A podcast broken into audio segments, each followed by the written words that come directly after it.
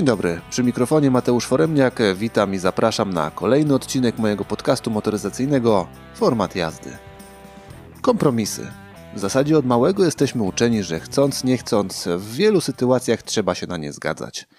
Sprawdzając słownik, kompromis to nic innego jak taki sposób rozwiązania konfliktu, który jest do zaakceptowania dla każdej ze stron, jednocześnie nie zaspokajając wszystkich wysuwanych przez nie roszczeń. Oznacza to, że gdzieś trzeba znaleźć przysłowiowy złoty środek. W motoryzacji jak w życiu, na kompromisy musimy iść wielokrotnie. W poprzednim odcinku prezentowałem dacie Jogger, która kompromis osiąga ograniczając prestiż, motoryzacyjne emocje i oferowaną jakość, oddając w zamian masę przestrzeni, sporo praktyczności i co dla wielu kluczowe, maksymalnie ścinając wszystkie koszty związane z zakupem i eksploatacją samochodu. Dzisiaj pokażę, jak może wyglądać kompromis w innej postaci. Innej nie dla każdego, ale bardzo intrygującej. Zabierającej nieco praktyczności, przestrzeni i nie będącej aż tak bardzo ekonomiczną, oddającej jednak sporo pazura i stylu i mocniejszych wrażeń. Przed Wami kompromisowo, bezkompromisowa Kia Proceed GT. Seat, Proceed, Exit Dzisiejsza mnogość wariacji na temat tego modelu pokazuje, jak ważny on jest dla koreańskiego koncernu, bo to jeden z filarów spektakularnej przemiany kij w ostatnich już prawie 20 latach. Zaczęło się w sumie dosyć niepozornie w 2006 roku, kiedy zaprezentowano pierwszą odsłonę modelu, którego rozwinięcie nazwy oznacza Community of Europe with European Design. Wiedzieliście, że właśnie to oznacza SEED? Tłumacząc na nasze Miał to być samochód zaprojektowany pod gust Europejczyków, które jak nie od dziś wiadomo, w wielu kwestiach dosyć mocno rozjeżdżają się z tymi azjatyckimi. Pierwsze wcielenie Prosida pojawiło się na rynku w 2007 roku. Był to trzydrzwiowy hatchback, który od zwykłej wersji różnił się symbolicznie. Trochę ostrzejsze rysy, bardziej zaokrąglony tył, mniejsze okna, subtelne zmiany na nadkolach i tyle. Wielkiej rewolucji nie było, na rynku pierwsze wcielenia SIDA i ProSIDA wytrwały do 2012 roku, z liftingiem w połowie drogi. Przy okazji w jednym z legendarnych programów motoryzacyjnych wcielając się w rolę samochodu za rozsądną cenę, a w Polsce samochodu za wysoką cenę, bo spotkanie z takim w barwach policji mogło sporo kosztować. Pierwsza generacja, choć moim zdaniem z dzisiejszej perspektywy niezbyt porywająca, odniosła spory rynkowy sukces ale to zaprezentowana w 2012 roku druga odsłona modelu stanowiła prawdziwy siedmiomilowy krok w przód. Ciekawa stylistyka, dobre wykonanie, 7 lat gwarancji i dynamiczne działania marketingowe, na przykład podczas polsko-ukraińskiego Euro 2012, zrobiły swoje. Kia weszła do ekstraklasy producentów, a Seat dorzucił bardzo konkretną cegiełkę do tego sukcesu. Zaprezentowany pod koniec 2012 roku Prosit raczej symbolicznie się do tego przyczynił. W drugiej odsłonie było nieco ciekawiej niż w pierwszej. Nadal był to trzydrzwiowy hatchback, umiarkowanie różniący się od zwykłego Sida. Poważniejszą zmianę w tym względzie przyniósł rok 2013 i zaprezentowanie Prosida w wersji GT. Doszło tu więcej detali i sportowego pazura, robiąc nam z tego hatchbacka całkiem już rasową propozycję. Seed 2 wytrwał na rynku do 2018 roku, ponownie w połowie drogi zaliczając umiarkowany lifting.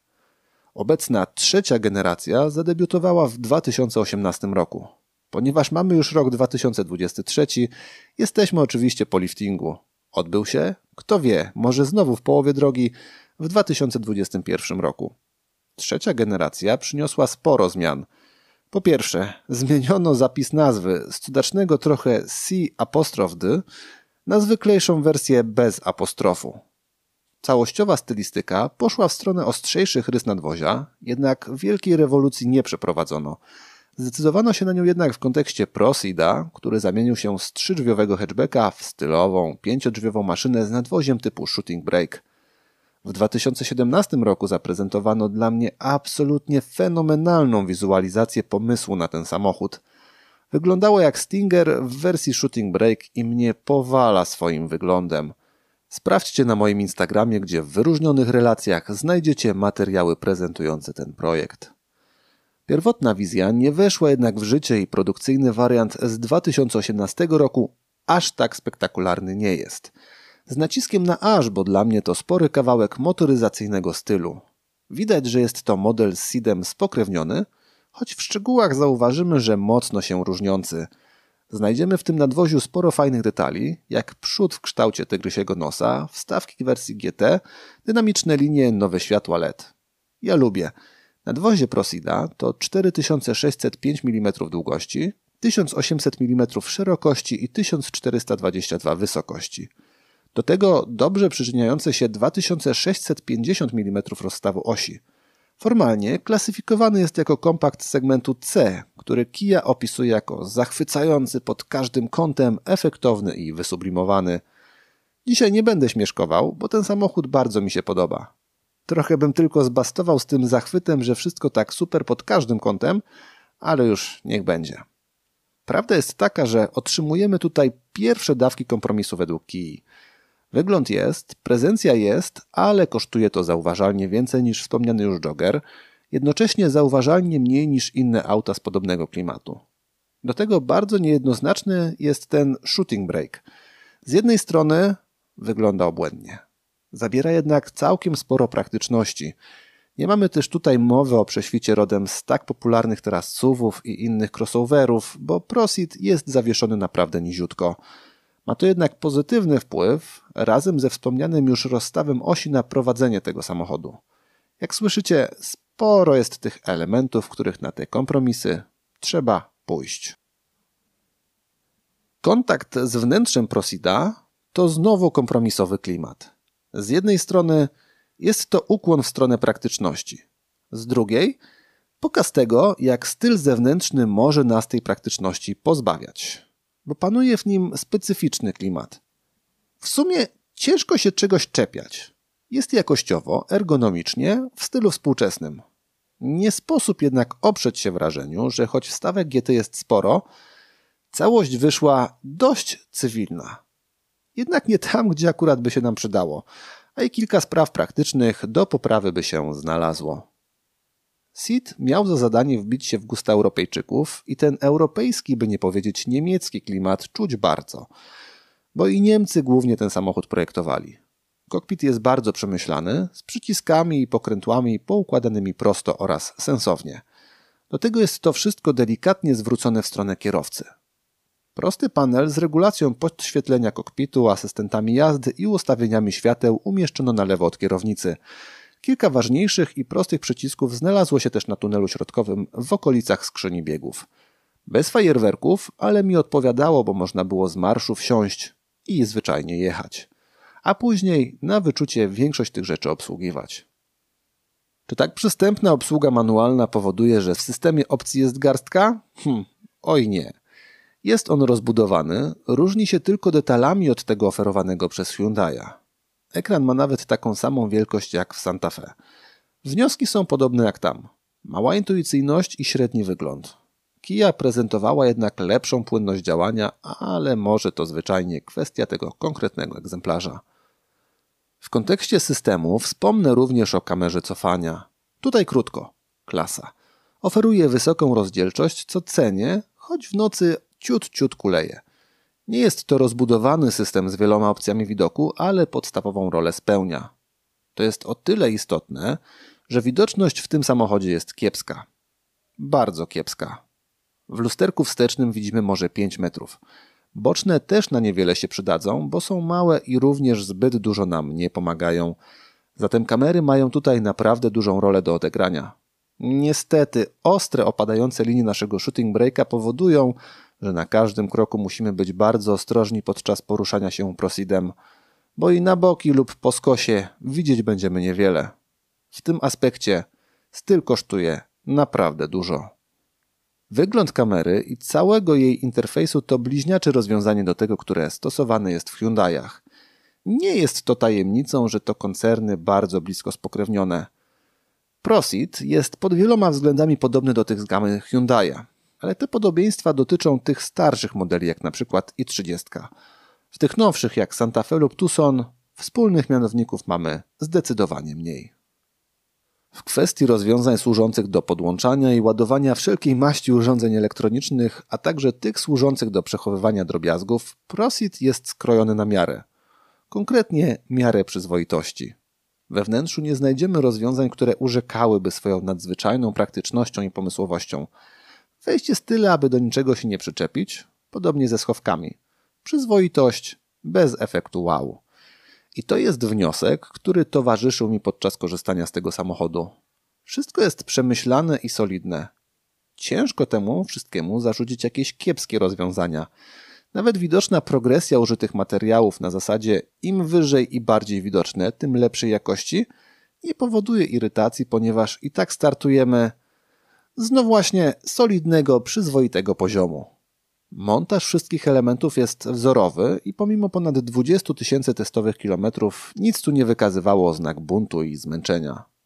Zdarzało się, że rozwiązania bogatsze, bardziej spektakularne, jak na przykład boczek drzwi od strony kierowcy, z bogatym sterowaniem oraz pamięcią ustawień fotela, sąsiadowały z zupełnie zwyczajnymi i nijakimi boczkami u pozostałych pasażerów. To wszystko zostawia użytkownika z takim poczuciem, w sumie to obojętności. Wszystko jest, wygląda ok, działa ok. Brakowało mi jednak tej iskry, którą udało się zawrzeć w nadwoziu, a która powoduje, że reagujemy na ten samochód takim mimowolnym wow. I tego efektu wow we wnętrzu zdecydowanie zabrakło, pomimo wcale nie tak małej ilości dodatków wersji GT. Kilka symboli, usportowione fotele, nakładki na pedały, czerwone przeszycia. Fajnie, podobały mi się, ale były właśnie dodatkami, a nie elementami większej, rasowej całości. No ale dobra, wygląd wyglądem, ale jak wygląda podróżowanie i jazda prosidem? Tu tego sportowego klimatu jest nieco więcej. Czy to dobrze? I tak, i nie. Po pierwsze, stykamy się ze sportową ciasnotą. Nie jest to przestronne auto. Z przodu tego nie poczujemy, jeśli mamy naszych pasażerów z tyłu w nosie chcąc im dać trochę przestrzeni i z przodu będziemy mieć z tą przestrzenią co najwyżej średnio. Miejsce na nogi to jedno. Mało, mamy go też nad głowami, a z tyłu to już prawie wcale. I to minus bardzo poważny, bo nie trzeba być wzrostu koszykarza lub siatkarza, aby poczuć go na własnej skórze. W testowanej wersji znalazł się szklany dach będący dodatkiem za 3,5 tysiąca złotych, no i mi już niewiele brakowało, aby znalazł dla mnie nowe zastosowanie. W wersji GT podróżujemy na fotelach sportowych. Nie są to jeszcze kubełki, ale ten pazur mają. I oceniam je na plus, dają radę nawet w dłuższej trasie. Fajnie przylegają do ciała, dając sporo wygody. Dzięki elektrycznej regulacji obecnej w tej wersji możemy sobie całkiem szybko dobrać odpowiednią pozycję. Co ważne, akurat fotele naprawdę fajnie wyglądają. Jedyny minus siadamy nisko i proces wsiadania oraz wysiadania wymaga sporej dawki gimnastyki. Jednym z bardziej udanych elementów tego wnętrza jest również kierownica. Wygląda fajnie, dobrze leży w dłoniach, ale co najważniejsze, daje nam dostęp do tego, co w Prosidzie można bezwarunkowo polubić, czyli układu kierowniczego. Bo tu sportowe zacięcie czuć bardzo i dostajemy go zaskakująco dużo. GT prowadzi się super, jest nadspodziewanie dobrze wyważone, sztywne i nastawione na sport. Kia, zrobiliście to super. Prowadząc tę maszynę, mimowolnie miałem uśmiech na twarzy. Jak to jednak w kompromisach, z czegoś trzeba było trochę zrezygnować. W tym przypadku trzeba pożegnać komfort. I to tak wyjątkowo zero-jedynkowo. To wszystko, co tak dobrze wpływa na jego prowadzenie, jednocześnie nie stanowi przepisu na wygodną, aksamitną jazdę. I co gorsza, nie ma tu przestrzeni na jakiś stan pośredni. Jest pazur i koniec. Mi się to podoba, albo inaczej, podobało przez kilka dni. Czy dłuższy, kilkuletni związek z takim autem o takiej charakterystyce by mi odpowiadał? Nie wiem i mam pewne obawy, ale chciałbym spróbować. Kolejnym niejednoznacznym elementem jest kwestia wyciszenia, bo ono w sumie jest niezłe, ale Sporo hałasu robiły opony. Większym problemem był jednak silnik, a konkretniej jego elektroniczny doping. Mamy tu bowiem generator dźwięku, który ma zwiększać nasze odczucia płynące z pracy jednostki napędowej. I okej, okay, fajnie, tylko to w każdych warunkach i w każdym trybie jazdy robi tego hałasu sporo. Brakowało mi możliwości wyciszenia tego i oddania pasażerom nieco większego spokoju. Nie zawsze przecież chcemy ognia i bulgotu naszej stajni koni mechanicznych, a nawet w SVR można było go bardzo mocno przytemperować. Skoro jestem przy dźwiękach, wspomnę tylko, że choć dźwięk silnika nasze głośniki podbijały koncertowo, gorzej wypadały one w konfrontacji z dźwiękami koncertowymi. Na pokładzie znalazł się system od JBL-a i był on dla mnie rozczarowujący, nawet po kombinacji z indywidualnymi ustawieniami. Mówiąc krótko, spodziewałem się więcej. Tak samo jak po drugim rzędzie siedzeń. Że jest tam przytulnie, już trochę wspominałem. Miejsca na nogi mamy niewiele, a nasz los w dużej mierze zależy od pasażerów z przodu. Problematyczne jest samo wchodzenie i wychodzenie. Prosyt jest niski, a z tyłu jest już bardzo niski. Dodatkowo przeszkadza nam to, w jakim miejscu w stosunku do kanapy znajdują się drzwi i słupek B. Mocno trzeba zagarnąć nogi, aby o nie nie zahaczyć. O tyle dobrze, że sama kanapa jest wygodna i dobrze się na niej siedzi. Mamy też do dyspozycji prosty, ale solidny i wysoko podpierający podłokietnik. Szału nie ma z miejscem na przechowywanie drobiazgów oraz z zakończeniem tunelu środkowego. Jest nawiew, jest jedno gniazdo do ładowania, sporo tego już słabszego plastiku i tyle. Minimum przyzwoitości, nic ponadto. Plus dla ewentualnego trzeciego pasażera jest taki, że w tych okolicach jest spore, choć niezupełne wypłaszczenie podłogi. Ze spraw praktycznych dorzucę jeszcze dziwnie zamontowane i działające zapięcia pasów. Gniazda znajdowały się pod dziwnym kątem, blisko ewentualnego fotelika lub pośladków. Do tego trzeba było je mocno dopychać, aby kliknęły. Przy wysokości tego samochodu zainstalowanie dzieci z tyłu robiło się bardzo poważnym wyzwaniem. Dla równowagi na plus. Spoko, że pomiędzy karoserią samochodu a fotelami było trochę przestrzeni. Dzięki temu sprzątanie zakamarków Prosida jest o niebo łatwiejsze niż w większości innych samochodów. No dobra, Shooting Brake pozbawia nas wielu walorów użytkowych, ale w końcu to prawie kombi. No właśnie, prawie.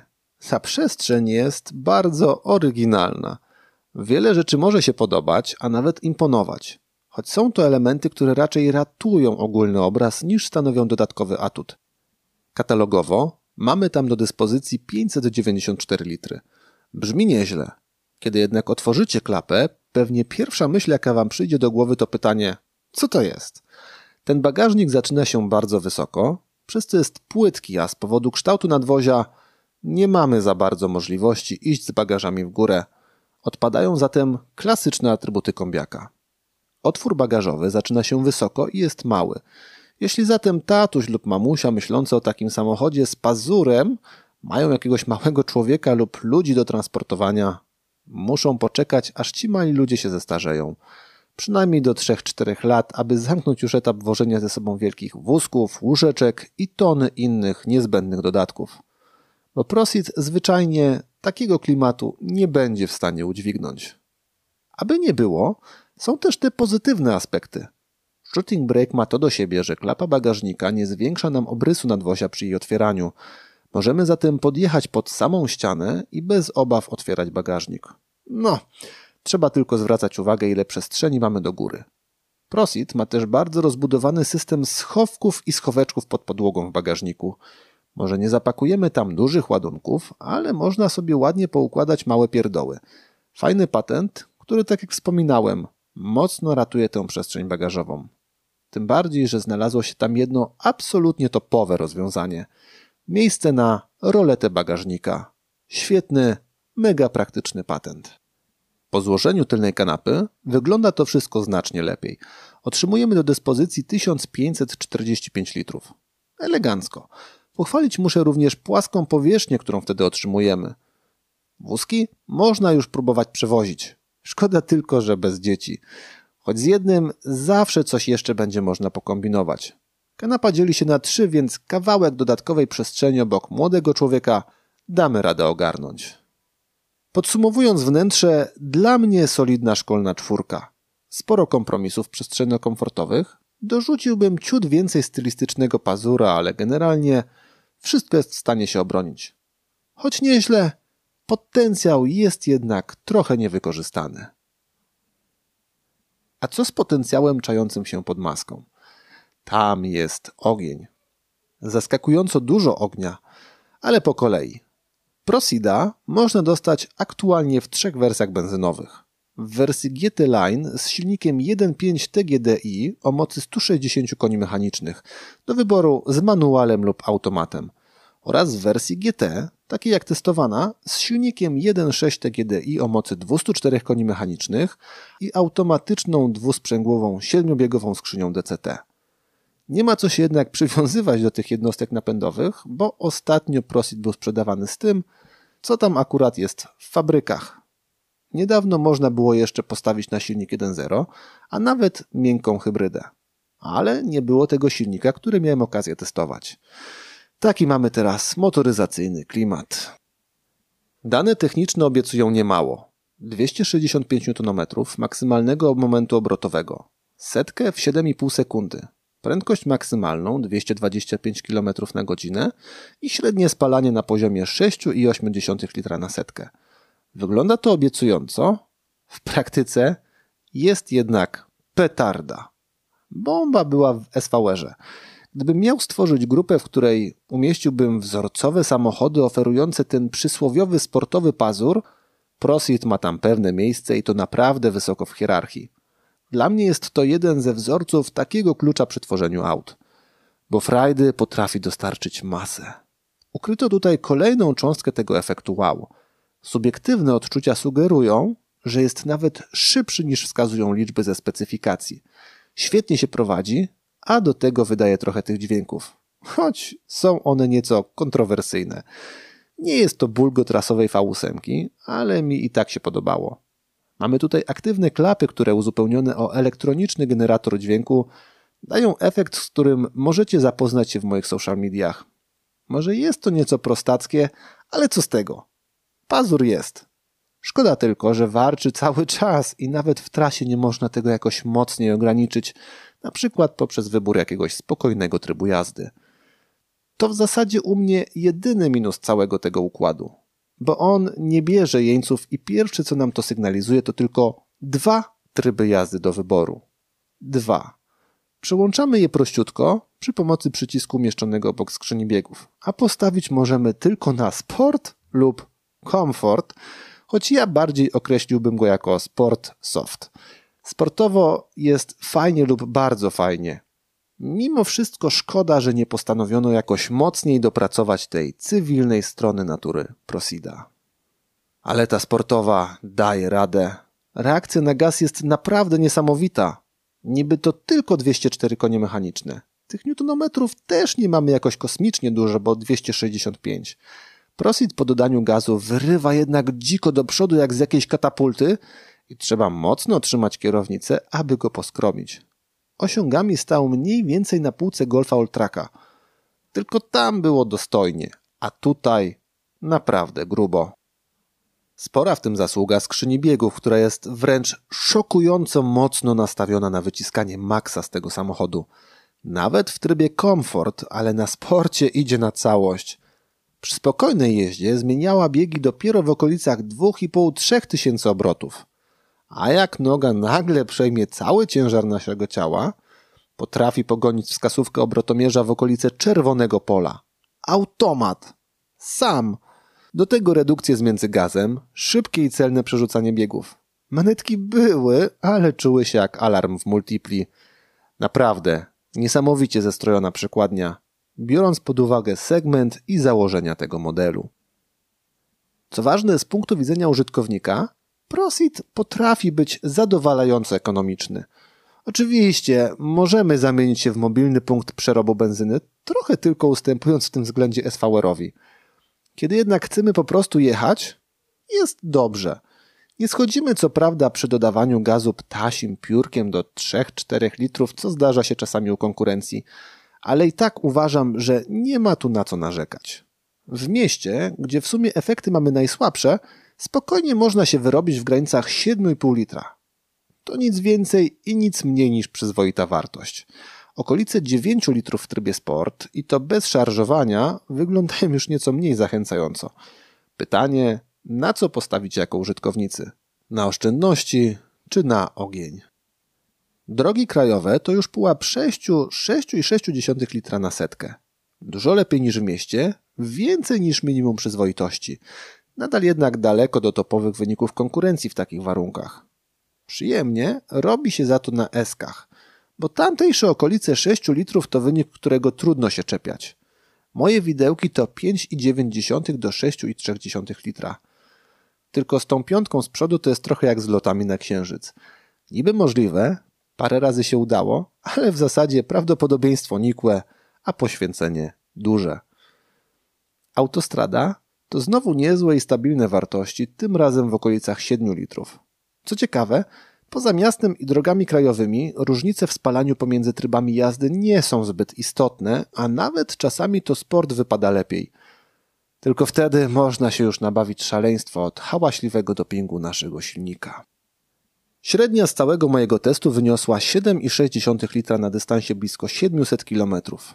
Ale były tam też momenty sprawdzania pazura, przyspieszenia i tym podobne. W trasie takiej zwykłej wyszło mi 6,8 litra na setkę przy nalocie 275 km. Dokładnie tyle, ile deklaruje kija w specyfikacji. I to jest realne w codziennym użytkowaniu. Jak już minie Wam pierwsza fascynacja możliwościami Prosida. Po kilku spędzonych wspólnie dniach trafia on wysoko na listę moich ulubionych samochodów. To inna odsłona motoryzacyjnego kompromisu. Dla osób potrzebujących nieco większych możliwości transportowych, dysponujących przy tym w miarę ludzkim budżetem. Nie ma tu mowy o kompromisach rodem z Jogera. Te samochody jednocześnie mają sporo wspólnego i są zupełnie inne.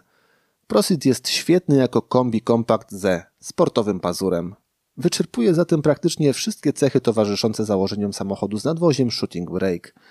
Bo jako cywilny kombi kompakt Prosit już taki super nie jest i pewnie lepiej byłoby zostać przy zwykłym Sidzie. Bo w motoryzacji, jak w życiu, trudno mieć wszystko. A jeśli już, kosztuje to krocie. Ile jest samochodów, które są przestronne, mogą być jednocześnie super wygodne i prowadzić się jak wyścigówka, wyglądają super, a także mają ekstra silnik z rasowym wydechem. No właśnie, kilka i to w budżecie 500 plus tysięcy. Prosit ma szczyptę wszystkiego i stanowi naprawdę apetyczną pozycję na rynku. A zwycięzcami mogę ogłosić wszystkich tych, którzy kupili go 2-3 lata temu. Bo mają fajne auto, które dzisiaj kosztuje może nawet więcej niż jak wyjeżdżało z salonu. Dwa lata temu bez problemu można było kupić wersję GT za 120, a GT Line za mniej niż 100 tysięcy złotych. O, to była rewelacja.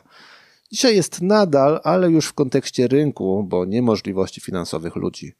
GT Line to 124, a GT 143 tysiące. Wyjściowo. Ale topkę w stylu testowanej nadal jesteśmy w stanie sklecić w granicach 150 tysięcy. Choć trochę ponarzekałem na pewne sprawy, mimo wszystko polecam. Pamiętajcie jednak, tu sportowy pazur jest na pierwszym miejscu. W tym odcinku to już wszystko z mojej strony. Serdecznie zapraszam do kontaktu oraz słuchania kolejnych odcinków. Pamiętajcie też, aby obserwować format jazdy na Instagramie i Facebooku. Dziękuję za uwagę i do usłyszenia.